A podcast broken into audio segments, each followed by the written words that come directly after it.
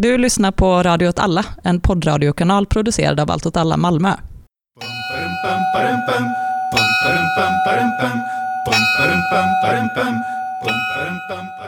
Hej välkommen till Eld och rörelse.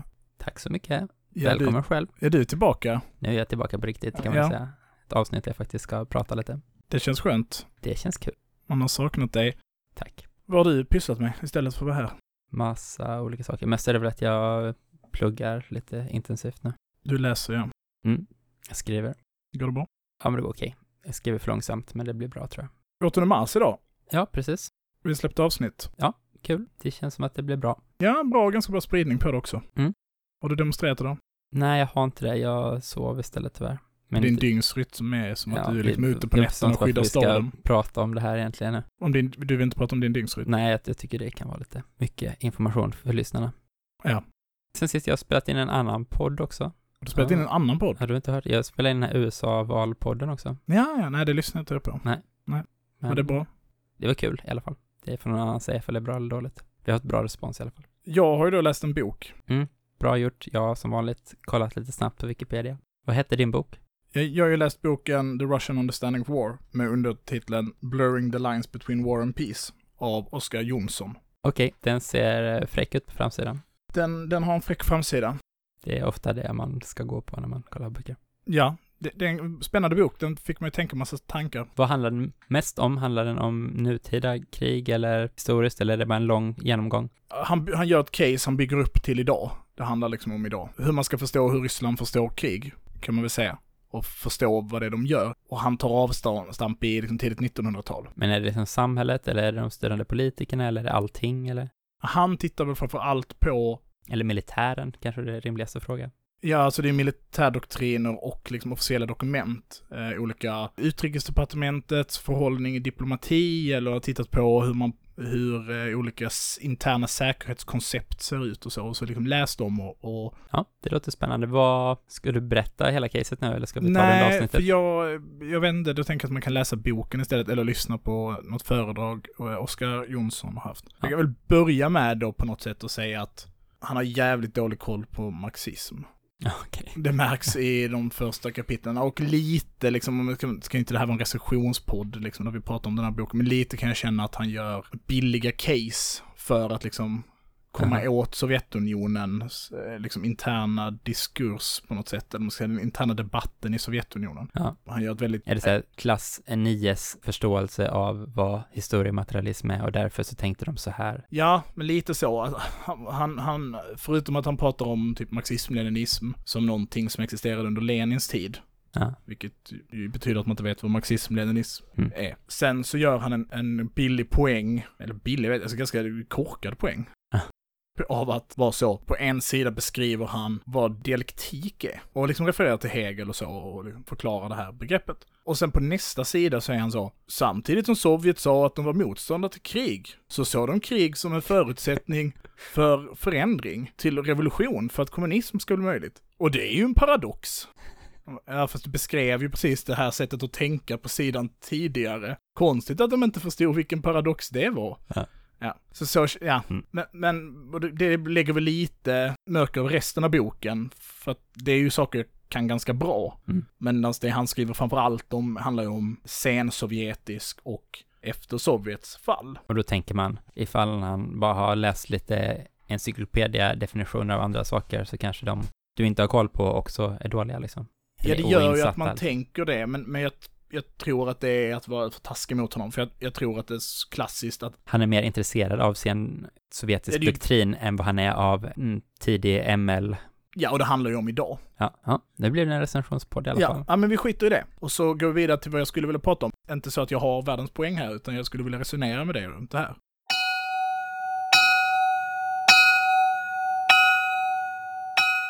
Idag ska vi prata om vad krig är. Ja, Vad är krig? enligt Wikipedia så är det en intensiv militär konflikt mellan två eller fler parter. Precis, det är liksom en, det är en konflikt, den innefattar militärer. Ja, alltså det är en våldsam. Jag vet inte vad militärer är, det kan väl vara gerillakrigare eller så också liksom. Kan kanske- det det? Ja, det verkade den definitionen tycka, men det kan vi diskutera. Jag fick den frågan för någon vecka sedan angående Turkiet. Så är det krig mellan Syrien och Turkiet nu? Ja, det har man ju funderat på ändå. Ja, hela frågeställningen blir helt bisarr. De dödar varandra med, med eh, stridsvagnar och, och beväpnade drönare. Är det, är det krig? Ja, det är klart att det är krig. Ja, men, Men, de, men Turkiets parlament har inte deklarerat krig med Syrien och motsvarande inte skett heller, så ja. Nej, men det är... men, men det som du beskrev, en intensiv militär konflikt ja, fast, mellan flera parter är Jo. krig. jo. Men ändå är det lite så, är det krig i Syrien? Eller, Men så det- intensiv är ju inte konflikten heller. Det är ju lite kanske det att de håller uppenbart tillbaka ganska mycket. Både den turkiska armén och den syriska armén håller ju igen i hur mycket de krigar mot varandra, hur mycket de dödar varandra. Ja, ja, men de dödar ju ändå varandra med Ja. hjälp av militära medel. Men allt är lite som att de på något sätt ska kunna säga så, vi siktade egentligen på de som stod jämte er. Ni har inte ringt in var era styrkor fanns. Alltså, och sen så kompliceras det ytterligare av att det är, är det Syrien eller är det Ryssland som dödar de turkiska soldaterna? Är det Turkiet eller är det mm, de här jihad, Mm. De här jihadistiska miliserna, FSA eller vad det heter nu för tiden, som dödar syriska soldater? Den, de glidningarna gör ju att det blir så himla svårt här att säga vad som är krig och inte Ja. mellan de två parterna, men det pågår ju ett krig i Syrien.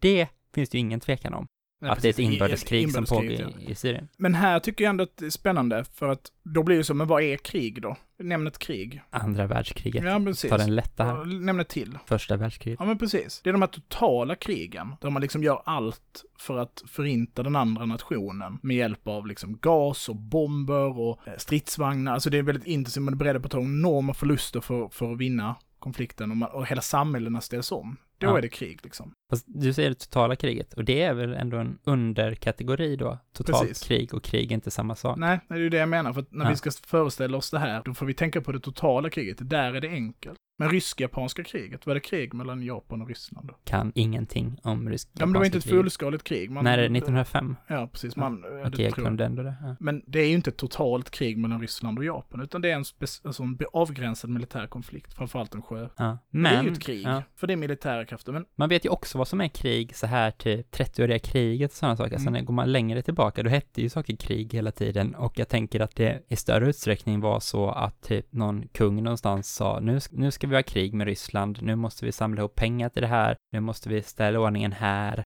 nu måste den gå ut så. Då var det också tydligt på ett sätt för att liksom det var så, Men var inte många av de krigen också avgränsade militära konflikter som inte, man mobiliserade inte alla 14-åringar i Sverige. Nej verkligen. Vår idé om kriget kräver det totala Men vänta, eller så kräver det det formella kriget, för det är väl det man gjorde då, då de- man deklarerade krig Mm. mot varandra. Då sa man så, Sverige går i krig mot Tyskland nu liksom. Vi har förklarat, Erik förklarat, säger man istället. Och sen hade man en, en, en kasusspel då, liksom någon typ av eh, förklaring till varför man gjorde det. Men det är det är när det inte är de, någon av de två, det är då det börjar bli riktigt klurigt. Clausewitz, Mm, jag ja, ja. känner till honom. Jag känner till honom för att du har typ postat på Twitter om honom, jag kan absolut ingenting om honom. Ja, men han skrev någon bok om militär doktrin eller någonting. Ja, Karl von Clausewitz, eller Karl Philipp Gottlieb, var en eh, preussisk, eh, ett preussiskt befäl. Tror han var generalmajor på slutet, men, men han skrev då den här boken, boken om kriget. Det är en bra titel. Ja, det var en tid då man kunde döpa saker till sånt. De- Den gav ut postumt eh, 1834 av hans änka. Och i den boken så definierar han krig genom att säga att krig är inget annat än förlängningen av politik med andra medel Mm.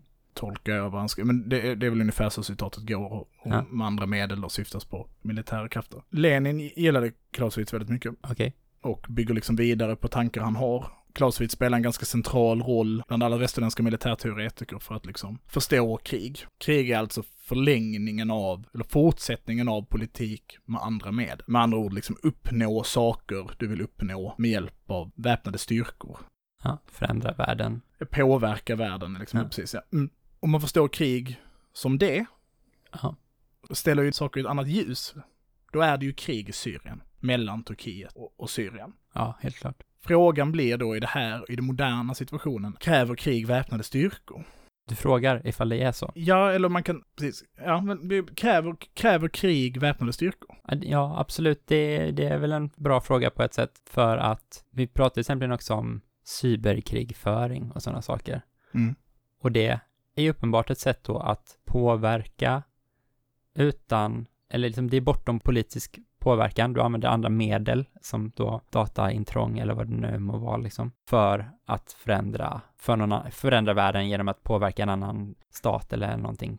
Så att, uppnå mål på något sätt. Så genom att använda maktmedel mot dem liksom, att pressa dem, att de, man ber dem inte om att göra det, man förhandlar inte, utan man, med andra medel helt enkelt, Mm. precis som vi har sagt, påverka dem. Men det, det är också lite så när man säger cyberkrigsföring, så tänker man väl ändå att det är liksom ett, ett prefix på krigsföring som gör att det blir något annat. Man tänker inte att det är en sorts krig egentligen, för vi har ändå en förståelse av att det är fysiskt våld det handlar om. Ja, fast anledningen till att den här definitionen blir nödvändig blir ju för att förstå vilken respons man kan ge på den. Nu är vi vänsterister bägge två, så att om jag säger så, våld, det är när man slår någon. Ja, Så skulle du kunna invända och säga Nej. att det finns andra typer av Ja, våld. när man nekar någon medel att eh, försörja sig så är det också våld, eller när man... Och, och det här är ju tydligt att den, den, den idétraditionen finns i den ryska militär, alltså där man, där man breddar ganska tidigt, vad är, vad är angrepp? Vad är militära angrepp?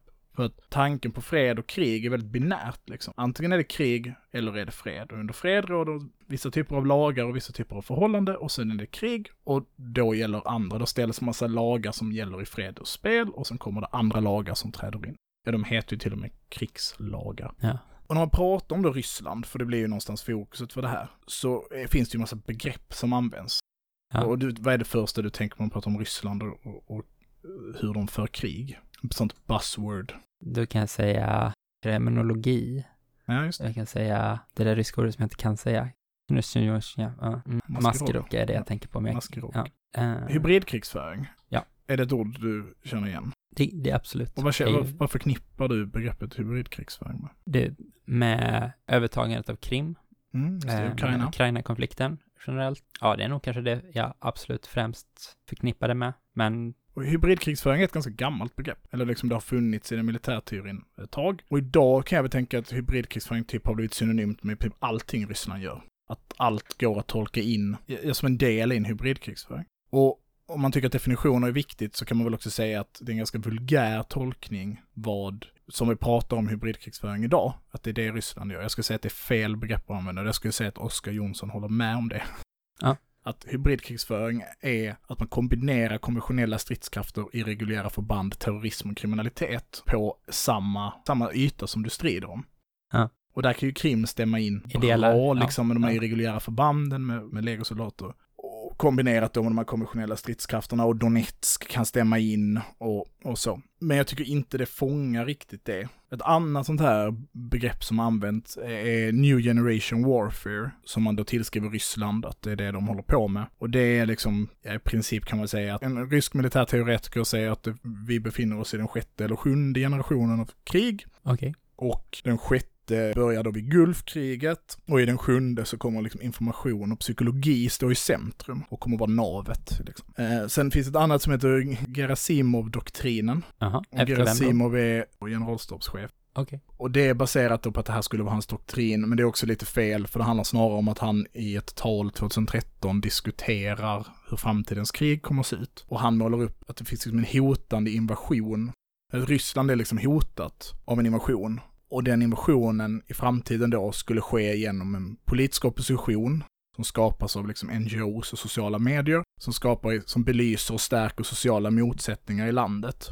Sen kombinerar man det med legosoldater, alltså PMCs, Private Military Contractors, eller specialförband som provocerar fram en överreaktion från den ryska staten som motiverar sanktioner som är så kraftiga att det krossar samhället. Jag antar att det var tal på någon sorts konferens och inte liksom till folkets massor. Ja, nej, bara det var första liksom maj-demonstration. Nej. Och så finns det ett annat begrepp som heter gråzon, eller grey zone warfare, eller gråzonen som är ganska populärt. Och det är väl den som egentligen stämmer in bäst då på det som sker idag. I till exempel Syrien. i Syrien och i väst, alltså den situationen, Ah, den ja. globala Ja. situationen idag, där man kan säga att gråzonen är utrymmet mellan fred och krig. Ja. Och, och det är inget nytt, den här gråzonen. Man använder de här andra verktygen som diplomati, påverkan, cyberattacker eller liksom direkt väpnat våld, men inte konventionellt krig. Men man rör sig liksom bortom hur internationell rätt fungerar eller liksom är tänkt att fungera. Men handlingarna är inte tillräckliga för att det ska eskalera konflikten till ett riktigt krig. Och, och då tänker man kanske så inblandningen i Brexit och USAs val då 2016.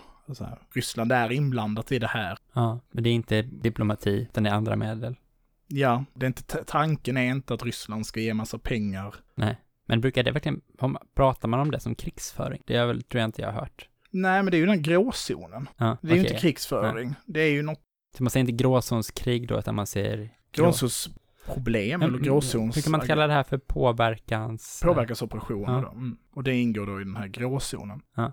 Och varför är det inte konventionellt krig då? Eller om man tänker att det finns de här spänningarna, man försöker påverka varandra. Ja, det, så det är väl som vi har sagt, att det handlar inte om fysiskt våld. Jo, men varför väljer, varför väljer man inte det konventionella Aha, kriget? det för att det kostar för mycket för en själv och det kan eskalera som vi sa. Det, Ja, och då är det väl liksom MAD-teorin då, eller Mutual Assured Destruction. Alltså kärnvapnets inträde på arenan gör att det konventionella kriget nästan blir otänkbart mellan supermakterna. ja. Och måste tvinga fram en ny typ av krig. En ny typ av krigsföring. Finns inte något element av också då att man inte, när man inte är den dominerande supermakten i världen, då kan man inte slå USA då i krigsföring. Men man kanske ändå kan slå dem i påverkansoperationer då eller någonting genom att bara outsmart dem liksom. Jo, men jag tror att du är helt rätt på det där. Att, att den här förståelsen internt i Ryssland växer fram när Ryssland, eller Sovjetunionen då, och Warszawapakten tappar överhanden i det konventionella kriget. För det är ju så ganska långt, alltså jag skulle Ja. hävda in på 80-talet, så vinner inte väst ett krig mot Warszawapakten. Sett till liksom rena konventionella stridskrafter. Sen lugnar ju sig Ryssland för att de förstår det här, och kärnvapnen gör ju då att man kan ju inte heller riktigt kriga mot varandra, för då- skulle alla dö. Ja. Men att väst, framförallt USA, tar en rad väldigt snabba kliv teknologiskt som gör att man kan säga att det balanseras upp. Ja. Liksom krigsstridskrafterna balanseras upp. Och Gulfkriget då i början av 90-talet understryker liksom den här maktrelationen där Iraks armé eh, är numerärt överlägsen den koalition som angriper Irak. Man måste ha stridsvagnar. De har jättemycket stridsvagnar och mycket, mycket, och mycket soldater. Men de får väl, förlora det kriget väldigt, väldigt, väldigt hårt. Och ganska snabbt. Och det tillskrivs framför allt informationsteknologin. Jag tror det var luftherravälde som var verkligen, Jo, precis, men ett luftherravälde utan informations... nej visst. Så de har liksom eldledningssystem och informationsinsamling som är så effektiv och kommunikationssystem som är så effektiva att de gör schackmatt med den irakiska armén på väldigt kort tid, medan den irakiska armén förlitar sig på sovjetisk krigsdoktrin och framförallt sovjetisk krigsmateriel. Ja. Och det här skickar ju en signal till Ryssland på något sätt. Just det. Okej, det spelar kanske ingen roll att vi har så här mycket fler stridsvagnar än vad de har. Nej. För deras kryssningsmissiler kombinerat med deras liksom, informationsteknologi gör att eh, de har överhanden nu. Det jag tycker blir spännande med det här är ju att det på något sätt, att man kan liksom förstå sin omvärld som att vi befinner oss i krig. Hela tiden. Ja, och att det har varit så sedan andra världskrigets slut. Eller början då får man väl säga. Jag förstår, det är en spännande take på ett sätt, men är det inte också lite att frångå den allmänna förståelsen av vad ordet innebär på något sätt liksom? Jo, men... Att, att, det kanske är intressantare, man kanske ska göra det, jag säger inte att det är fel så, jag bara att man kan inte kanske heller bara tänka att det är den enda förståelsen av krig och den rätta på något sätt då, utan att krig också kan få betyda fysiskt våld mellan soldater. Och sen så kan man förstå krig i ett annat perspektiv och det är det här och det kanske är Nu vet du att jag är, det händer att jag blir anklagad för att vara liksom putinist. Så det är spännande att vi ska ha de här positionerna. utav galna moderatgubbar på internet, ja. Jo, jo, men, Mm. men liksom att jag är överslätande mot, eh, mot, eh, mot Ryssland. Vilket vi får vara tydliga med att det är du inte. Nej, det är jag inte, nej. Nej, nej. Men bara att man kan se saker i olika perspektiv är tydligen för mycket för, Nej, ja. det klarar liksom inte random möp av, Nej. utan då brinner det i huvudet på dem. Den tidigare försvarsministern i Ryssland, eh, Sergej Ivanov, eh, höll tal inför generalstaben 2005 och säger Let's face it, there is a war against Russia underway, and it has been going on for quite a few years. No one declared war on us. There is not one country that would be in the state of war with Russia, but there are people and organizations in various countries who take part in hostile against the Russian Federation. Ja. Om man tänker att krig nödvändigtvis inte är beväpnade styrkor, det, ja. utan det handlar om det här angreppet bortom den, de idéerna vi har om hur internationell rätt fungerar och vad är det mest centrala i internationell rätt? Vad skulle du säga är den fundamentet? Jättedålig koll på internationell rätt. Ja, men om du bara Eh. tänker så, vad är grunden för internationell rätt? Mänskliga rättigheter. Jag skulle säga nationens suveränitet. Okej, ja. Så, och att den finns till för att upprätthålla nationell suveränitet. Ja. Nu får det komma någon, någon eh, Statsvetare. Ja, precis. Och slå mig på fingrarna för det. Men om ett annat land lägger sig i vad, vad du gör i ditt land, Ja. Trots att du följer internationell rätt när du gör det. Nej, det får, då är det ju krig på något sätt, ja, visst. Ja, eller då skulle man kunna Det säga är ett angrepp i alla Det är ett fall. angrepp, ja. Och om, om någon angriper ens nation så har man rätt att försvara sig mot det. Om Ja. man, det ger en en casus belli, det ger dig rätt att, Mm. vi, tar, vi tar Brexit. Ja. Rysk inblandning i Brexit. Ja. självklart. Alltså det skulle ju vara direkt vansinnigt av Ryssland att inte hjälpa till med Brexit ur ett geopolitiskt perspektiv. Mm. Ett uppluckrat EU, den andra, eller den andra eller tredje största stridsmakten i Europa lämnar ett intimt samarbete med de övriga länderna som i sin vagga är liksom skapat för att möta din nation. Ja. Det är klart att du hjälper till och se, att se till att det sker. Är det en krigsförklaring om det uppdagas? Nej, eller jag vet inte. Nej men eller hur, det är ju någonting i det här som är, sluta blanda er i vår interna politik. Ni fortsätter göra det. Men det är bara, grejen på något sätt är ju att det inte är värt för Storbritannien att göra krig av det. Även ifall man skulle kunna se hur de liksom skulle legit kunna argumentera efteråt då. Vi gjorde det här för att de hade börjat angripa oss. Då så började vi beskjuta ryska stridsfartyg i Nordsjön eller någonting liksom. Storbritannien vill väl inte ha det kriget, eller så, det låter jättedumt. Ja, ja, absolut. Men om du kommer tillbaka på det här talet Gerasimov höll, Att han tänker sig att de är under angrepp liksom, eh, eh, som, som redan pågår. har han fel? Nej, det är klart han inte har fel. Eh, Så att Tjetjenien, If, men, men det är på något sätt är frågan då, ifall du utgår från att det hela tiden pågår ett krig som är alla nationers krig mot alla, så, ska du, så ställer du frågan, är det inte sant att vi är under angrepp? Klart det är sant att ni är under angrepp, det är ju själva definitionen av världsbilden man just har målat upp. Att det pågår ett ständigt krig överallt, då är man ju ständigt angripen och ständigt angripare också. Nej, men det är ju klart att det kan vara så att om man målar upp en bild av att det råder eh, då konstant kallt krig eller eh, som bitvis blir varmt krig så kan allt läsas in i att vara en del av det. Men om det är läge normal så är det ju inte krig, för krig förutsätts ju vara inte läge normal. Fred är läge normal. Så då skulle man kunna hävda att det är internationell rätt då som måste skrivas om för att det är meningslöst att ha ett internationellt rätt som ingen följer. Ja, det skulle jag ju också på något sätt hävda att den här, det återföljs åtföljs ju inget utan utav någon, det här att man totalt respekterar andra länder länders suveränitet och sånt. Det, det är bara på låtsas som så mycket internationell rätt, mänskliga rättigheter och sånt. På låtsas. Men jag skulle ju säga att det då finns ett spektrum i det här och att det är klart att du kan ha det, men om lägga sig i Brexit är ett angrepp som då du skulle kunna svara med krig, så, men alla håller på med, med motsvarande påverkan. USA lägger sig i ryska val. Ja. Med hjälp av olika NGOs lägger de sig i andra nationers val. Men om det är på ena sidan så är ju till exempel Krim på andra sidan, som uppenbart inte var nog för att skapa en öppen militär, ett konventionellt krig mellan Ryssland och Ukraina. Nej, men, men är inte det för att Ryssland vann den krigshandlingen i, i kraft av sin större makt? Att det är så här, okej, nu tar vi det här från er, vågar ni köra eller? Nej, det gjorde ni inte. Då kunde vi bara ta det, för vi prövade. Ja, men de lyckades ju även i den handlingen göra det utan att någon sa Ryssland är i krig med Ukraina just nu. Det var en massa som sa det, Jo, men, men- men ingen stat officiellt. Agerade som om Nej. det var en direkt krigshandling. För att det lyckades spela emellan. Men det ingen annan pratar om i den situationen är ju att det motsvarande händer ju i Kiev. Det är också många som pratar om det, men alltså, Nej, eller i alla fall, jo såklart, det är jättemånga som pratar om det, inte minst i olika rysk påverkan. Men förståelsen är inte att men det här händer i båda intressesfärerna, både väst och öst, eller vad man ska säga, agerar på samma sätt. Inom samma ramar av den här nya typen av krig, den här nya typen av påverkan.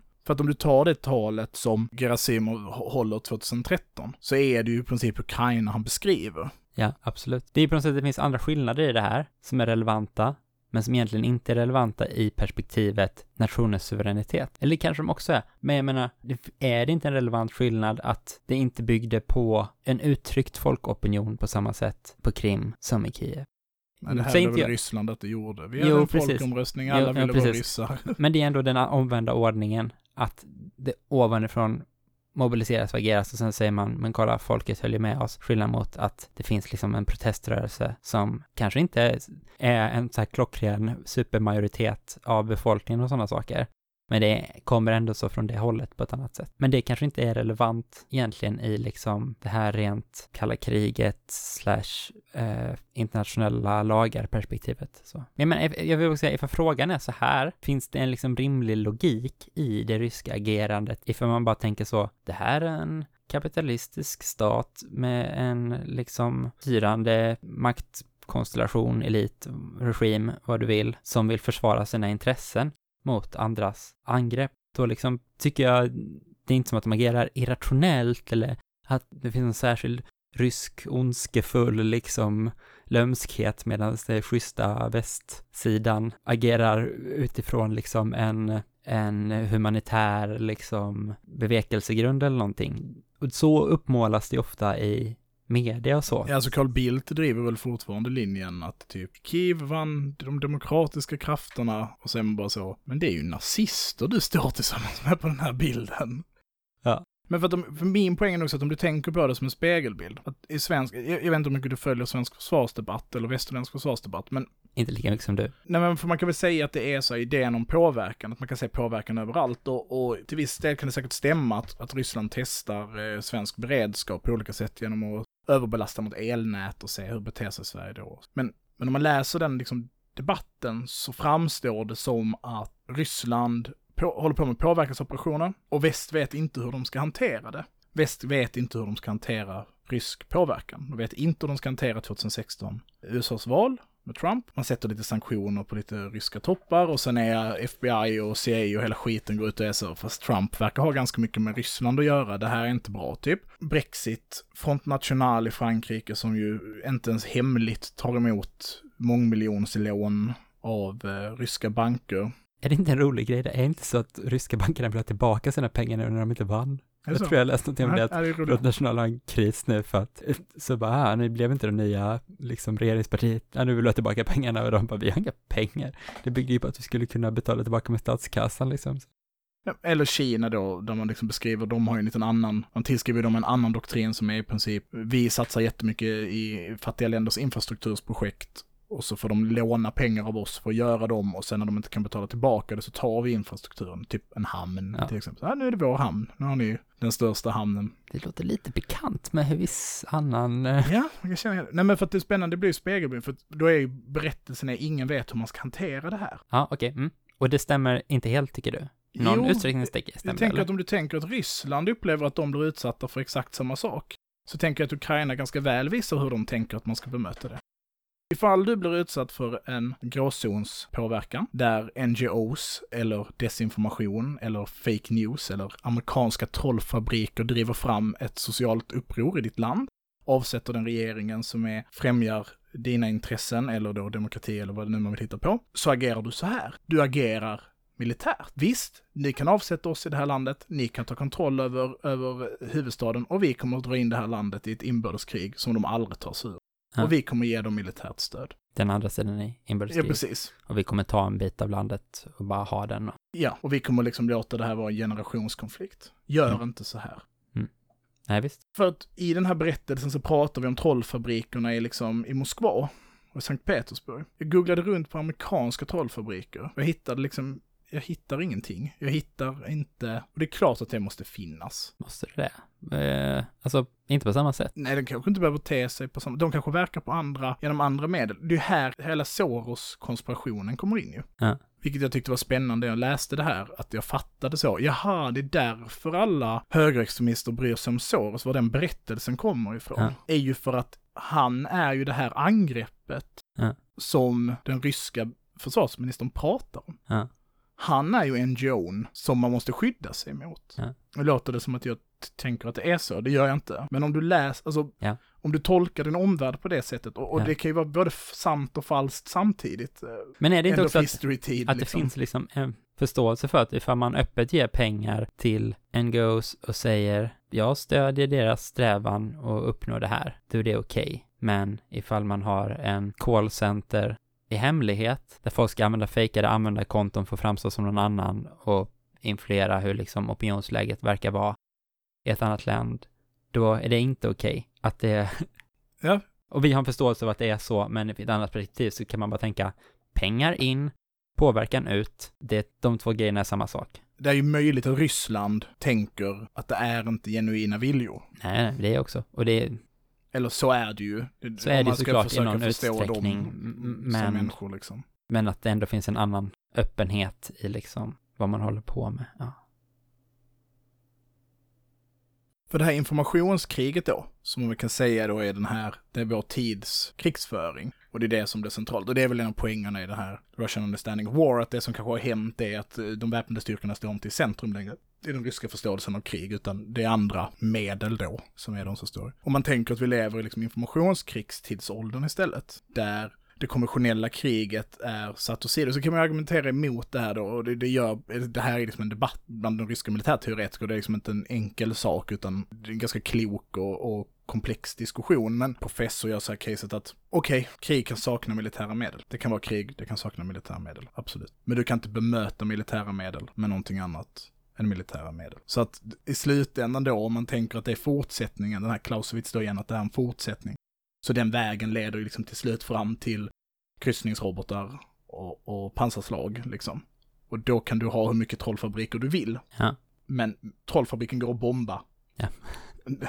och, och så, Jävla trist att ha tagit det callcenter-jobbet och sen så bara... sitter man där. Och, men och det, en annan då, ja, och det här styrks ju liksom att Putin pratar om att liksom, information är, är, är mer eh, effektiv än vad kärnvapen är och så. Effektivare för förlängningen av politik, liksom. Och, och den här idén är väldigt stark i, i, i Ryssland. 2014 så började Ryssland diskutera att skapa ett eget internet. Just det, det minns man. Ja. För att man helt enkelt ser internet som ett CIA-projekt. Ja, spännande. Du, jag bara tänker en intressant parallell här. Du lyssnade väl också på den här Kulturpodden Mm. som vi på Radiot Alla, eh, där pratar de om lite om typ idén om att social media är det som skulle, den generationen Z, zoomers, att deras förståelse av hur världen kan förändras är att man förändrar den genom sociala medier liksom. Men de är Men- helt rätt i den här diskussionen. Ja. För det, pass, det är en väldigt bra parallell för att, och sen så var de så, nej, fast sen så måste det till någonting annat också liksom. Mm. Det, det räcker inte så, varför pratar, de hade kollat på en utställning, varför tar de inte upp de politiska liksom Mm.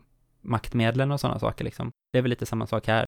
Den nya sortens krigsföring ska vara det här informationskriget. Visst, absolut, men till syvende och sist så är det det fysiska våldet. Ja, det Ändå som bestämmer, liksom. det där Ja, som på om. Ja. Ja. Och, och det här tycker jag leder in till liksom en annan poäng som jag bara tänker mycket på, och jag vet jag har skrivit om det på Twitter innan. Om vi köper att det är så här det ser ut, det pågår liksom ett aktivt informationskrig, det är, det det är en militär konflikt fast utan, utan väpnade styrkor, där man använder in, information och desinformation för att genomdriva politiska, strategiska mål man har, geopolitiska mål. Och nu när jag hänger lite på så här krigs-Twitter liksom, Ja. så jävlar vad jag har, man får bottar efter sig. Ja, just. Det kan man ju se ibland när jag skriver saker, det är så här, turkisk användare, noll, följer tre personer och jag är en av de tre, så här, du, varför, vem har, alltså hur blev jag fångad i den här algoritmen? Och så heter de alltid liksom någon sifferkombination och så. Nu är de inte de bottar så mycket som att de antagligen är någon turkisk trollfabrik eller något liknande. Man skapar tusen konton om dagen och sen Mm. så blir de nedstängda, men så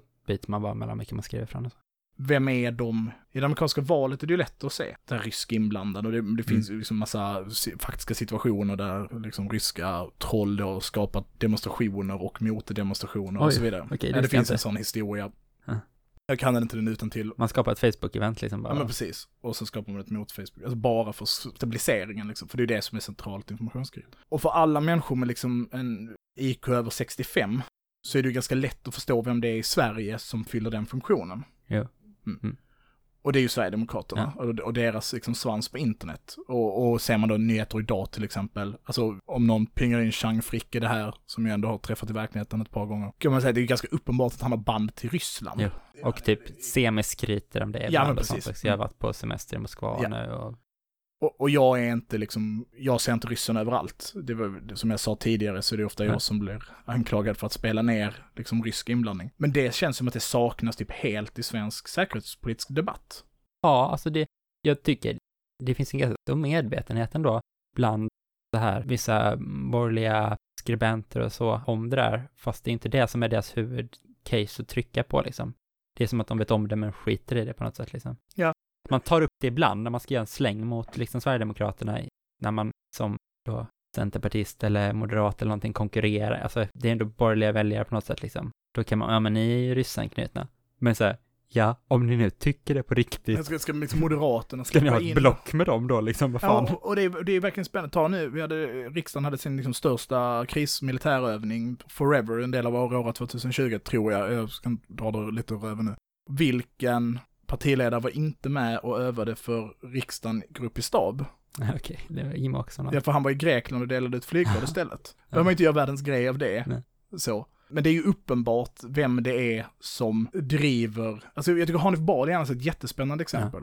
Så, och för mig är det, eller det är så tydligt, det, det gör ju politik väldigt tydligt för en. För att ur mitt perspektiv så är det, det är ju inte det här alls konstigt, men om jag tänker att jag själv hade varit konservativ eller liksom en högerkonservativ tyckare eller så, så har man så, Hanif Bali har ett register av åsikter. Mm. Så. Varför, om man är höger, så måste man gilla Putin nu? Mm.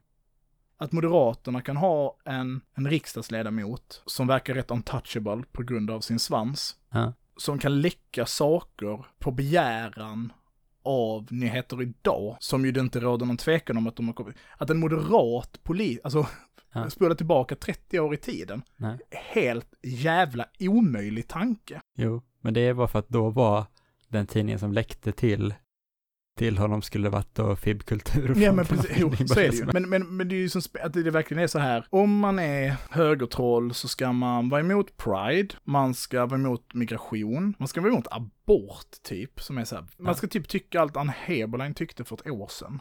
Då, alltså, Ja. och att det är ju uppenbart att i liksom det informationskriget som sker så har högern då som tidigare har varit liksom försvarspolitik, alltså tillsammans med Socialdemokraterna, men varit så här stabilitet, uppenbart har Moderaterna allierat sig med Mm, brigaden i informationskriget. Ja, och det och pratas ja. Någonstans rycks det i trådarna därifrån, eller inte ens det, inte rycks i trådarna, men någonstans häller man på i det glaset det. Mm. från liksom, och den tillbringaren är rysk liksom. Ja, Det, är som, det, det verkligen är så, det är ju, en skra, det är ju ja skrattretande. det är jävligt märkligt faktiskt.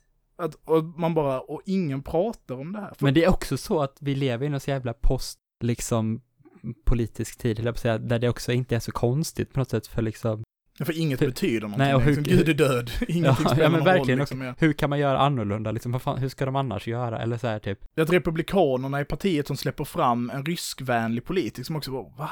men också, ifall de inte gör det så bara kollapsar man det på något sätt liksom, att det är, Ja, och så kan man det sättet någon ifall- Galtan-idé om det liksom, att det därför finns, men, men jag köper inte det. Jag, jag tänker att det är mycket, Men jag bara tänker så här, if- ifall alltid att vara opposition är att vara allierad med den kraft som vill störa det rådande styret, då kan du inte välja att ta avstånd från den ryska påverkan då, för att då kan du inte längre vara opposition, då måste du stödja. Men ta, Regeringen ta liksom, liksom, alltså. liksom vadå, Sver- sossarna styr Sverige under 60 år. Och inte fan tog Moderaterna pengar från KGB då. Nej, för att, det, för att vi är i en annan tid. Jo, jo. den möjligheten har försvunnit liksom, att, där, man kan, där man kan bara agera inom sitt eget lands liksom egen logik.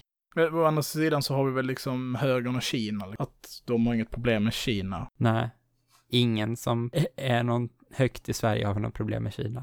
Nej, fast ta liksom den här förläggaren, Miljöpartiet, alltså vår kulturminister tog ju ändå bara, okej, du blir persona non grata för Kina resten av ditt liv. Okej, fuck you Kina. Hon gjorde ju ändå Okej, det. ja, mm. Trots de här liksom kinesiska hoten. Ja, kanske. Tror du inte att en, en borgerlig minister hade gjort samma sak i motsvarande position? Att det är beroende på vart man just nu befinner sig Men i ta liksom, Reinfeldt, han jobbar ju liksom med att stärka relationer mellan företag och Kina. Liksom. Nu ja. Men när han var regeringschef. Hörde du honom yttra någon kritik mot Kina? Liksom? Ja, det har jag dålig koll på, kanske han gjorde. Jag bara tänker att, att i vissa positioner så kan man inte heller, måste man agera annorlunda. Men jag, säga, jag vet inte, sen tänker jag Maud Olofsson ville väl inte säga att Kina var en diktatur när de, hon var näringsminister. Och sen så vill inte Stefan Löfven säga det nu när han är regering, för att gör man det liksom, kulturpolitik är en sak, men, men Alltså de har ju för fan fängslat en svensk medborgare på liksom någon, är jag inte superinsatt i det här fallet, men Nej. jag behöver väl inte vara Kinas försvarare, de klarar väl av att försvara sig själva. Men på, på liksom en jävla nonsensgrej, på tal om, om eh, krigsförklaringar. Jag hade ju lite hoppet nu när Jimpa åkte i Turkiet att det skulle vara, ljög han ju bara, han var ju inte gripen. Nej. Tillbaka då till, till liksom ämnet. Att om vi då, om vi då accepterar, om vi, om vi tänker att det är så, att militära styrkor står inte i centrum för krig. Jag tycker att eh, Oscar Jonsson gör ett starkt case av i sin bok, att den ryska förståelsen av krig är att stridskrafter är en, en, en del av, av krig, men, men inte en självklar del, och de måste inte stå i centrum för kriget. Om du köper att det är så, okej. och att det är den ryska förståelsen. Kombinerat då med att Ryssland visar att ett av, ett av få sätt att bemöta informationskrig är väpnade styrkor. Mm. Så blir det en spännande tanke hur Sverige ska förhålla sig till det. Ja. Vi ska, JAS-bomber, SD-troll. Nej, men vi, vi ska- vi ska ta Kaliningrad som svar på, som svar på den här Storknytt När det var den att Miljöpartiet hade föreslagit den här nya svenska flaggan som var grön och gul med, med eh, islams månskär istället. Det var kanske inte Storknytt, det var den här Vindögla eller vad den heter. Men jag tycker det är spännande när man läser de här sakerna, för att om man bara tänker på, om man bara sätter sig i östs perspektiv, om man sätter sig liksom i, i Rysslands perspektiv, så, så tar man då, man tar så att vi pratar om, om Ukraina som ett liksom Kreml eh, orkestrerar det här och liksom det sitter i princip en junta i, i Kiev och sen avsätts den av demokratiska krafter och då börjar Ryssland sabotera det här genom att understödja proxykrigare i Donetsk, vilket de ju gör. FSB är ju där och, och så det råder det ingen tvekan om. Men säger man så, men Syrien då? Mm. Ja. FSA har skjutit, det är någon så här 4000 pansarvärnsrobotar de senaste åren. Och över hälften av de här pansarvärnsrobotarna är amerikanska. Ja, nej, nej. Det, Den omvända förståelsen, men man pratar, vi har liksom inget språk för det.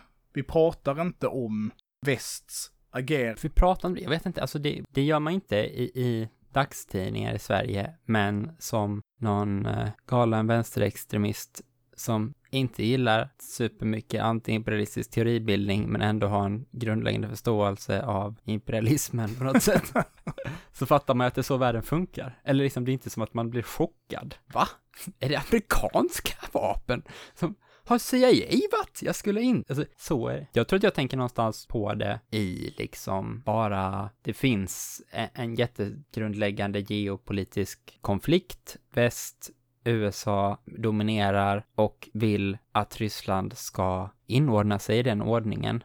Det skulle Ryssland kunna göra, men då hamnar man på en sån stryk, vad heter det, strykgosseposition liksom Mm. ganska långt ner i den ordningen. Det vill man inte göra, då försöker man liksom karva ut sitt eget utrymme istället, agera mot så. Det kommer de inte heller lyckas. Den liksom ambitionen om Storryssland på något sätt som skulle kunna överta rollen som, som världens supermakt går inte heller så bra liksom. Det, Nej men då här blir det väl spännande då. För att det du beskriver samtidigt då är ju ett väldigt så här, det är ju återigen ett så här västperspektiv. Du lyssnade kanske på avsnittet jag spelade in med, med André om, om eh, krig och spel och om liksom så här metanarrativ Ja, och berättelser och så. Den här idén om att Ryssland hotar, om att Sovjet hotar, att om du tänk, vänder på det och så tänker du att Ryssland försöker försvara sig själv mot det här angreppet. Släpper in baltstaterna i NATO trots att man på 80-talet hade skrivit liksom väldigt tydligt ni ska, in, ni ska inte gå längre österut med NATO. Jag bara tänker att i den här förståelsen som vi har pratat om av det ständiga kalla kriget så är angreppet och försvaret samma sak på något sätt. Att det liksom, det är bara en ständig maktkamp liksom. Absolut. Men om du då rullar tillbaka till Mutual Assured Destruction, 80-talet, informationskriget, Gulfkriget, att liksom den amerikanska övermakten. Och precis som du säger idag, Ryssland och USA mäter sig inte med varandra. De är inte samma spelare, de, de spelar inte samma liga. Men vi pratar om Ryssland hela tiden som en stark kraft och inte som ett Mm. skadeskjutet land. Mm. Ja, det som är står kanske på, konstigt. på, ja. på randen av sin kollaps. Ja.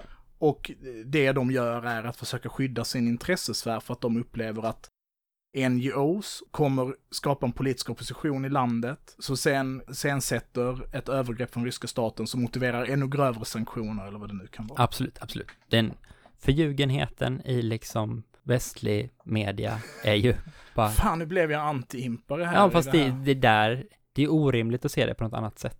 Så mycket, jag, trots hur lite anti-impare jag än vill vara, så kan man ju inte tänka på något annat sätt än att det är så liksom. Hela, hela den västerländska medierapporteringens världsbild är såklart dominerat av kapitalets i västs perspektiv.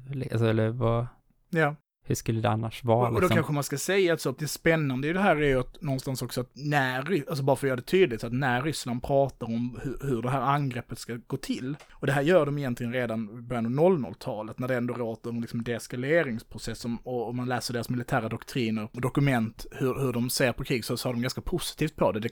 Så här, men vi behöver inte en så stor armé, eh, vi är inte hotade, alltså Nej, vad det sa du? tidigt 00-tal. Okej. Så beskriver de ändå att de så här, jag citerar nu från utrikesdepartementet, dokument från dem från 2000. Preventing illegal information and psychological influences on the mass consciousness. Där bland annat centralt lyfter fram den spirit, angreppet på, på den ryska spiritualismen. Okej. Så att det är ju liksom en direkt högerreaktionärt Ryssland som liksom skriver in att, att liksom kyrkans roll är hotad av de här utländska Och det är västerländska dekadansen liksom. Ja, men i princip liksom. Ja. Och att det kommer att destabilisera och det är därför då Pride, vad fan det nu kan vara, som de här jävla tokstollarna hänger upp sig på liksom. Och, och det är ju där antifascisterna som blir torterade i Ryssland, de här 17 stycken Ja, just. anklagade för att bilda något terrornätverk. Som Liksom. ska heta The, Ja, the Network. the, The, Network, ja. Så, så är det ju tydligt att, att här Rysslands agenda, bara så att om det är någon som lyssnar på det här, som är från Rysslands Nej. regering, så Nej, har vi ett budskap. Fuck you, Putin.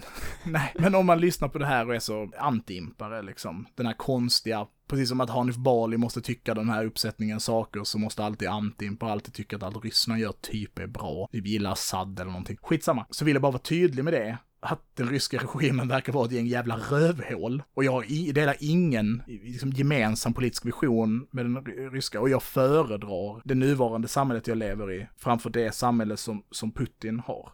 Men för den sakens skull måste man logiskt kunna förstå varför de agerar som de gör och inte bara tänka att det är ett utfall av den särskilt ondskefulla ryska ondskan eller Men någonting. också att man tillskriver dem den här övermakten.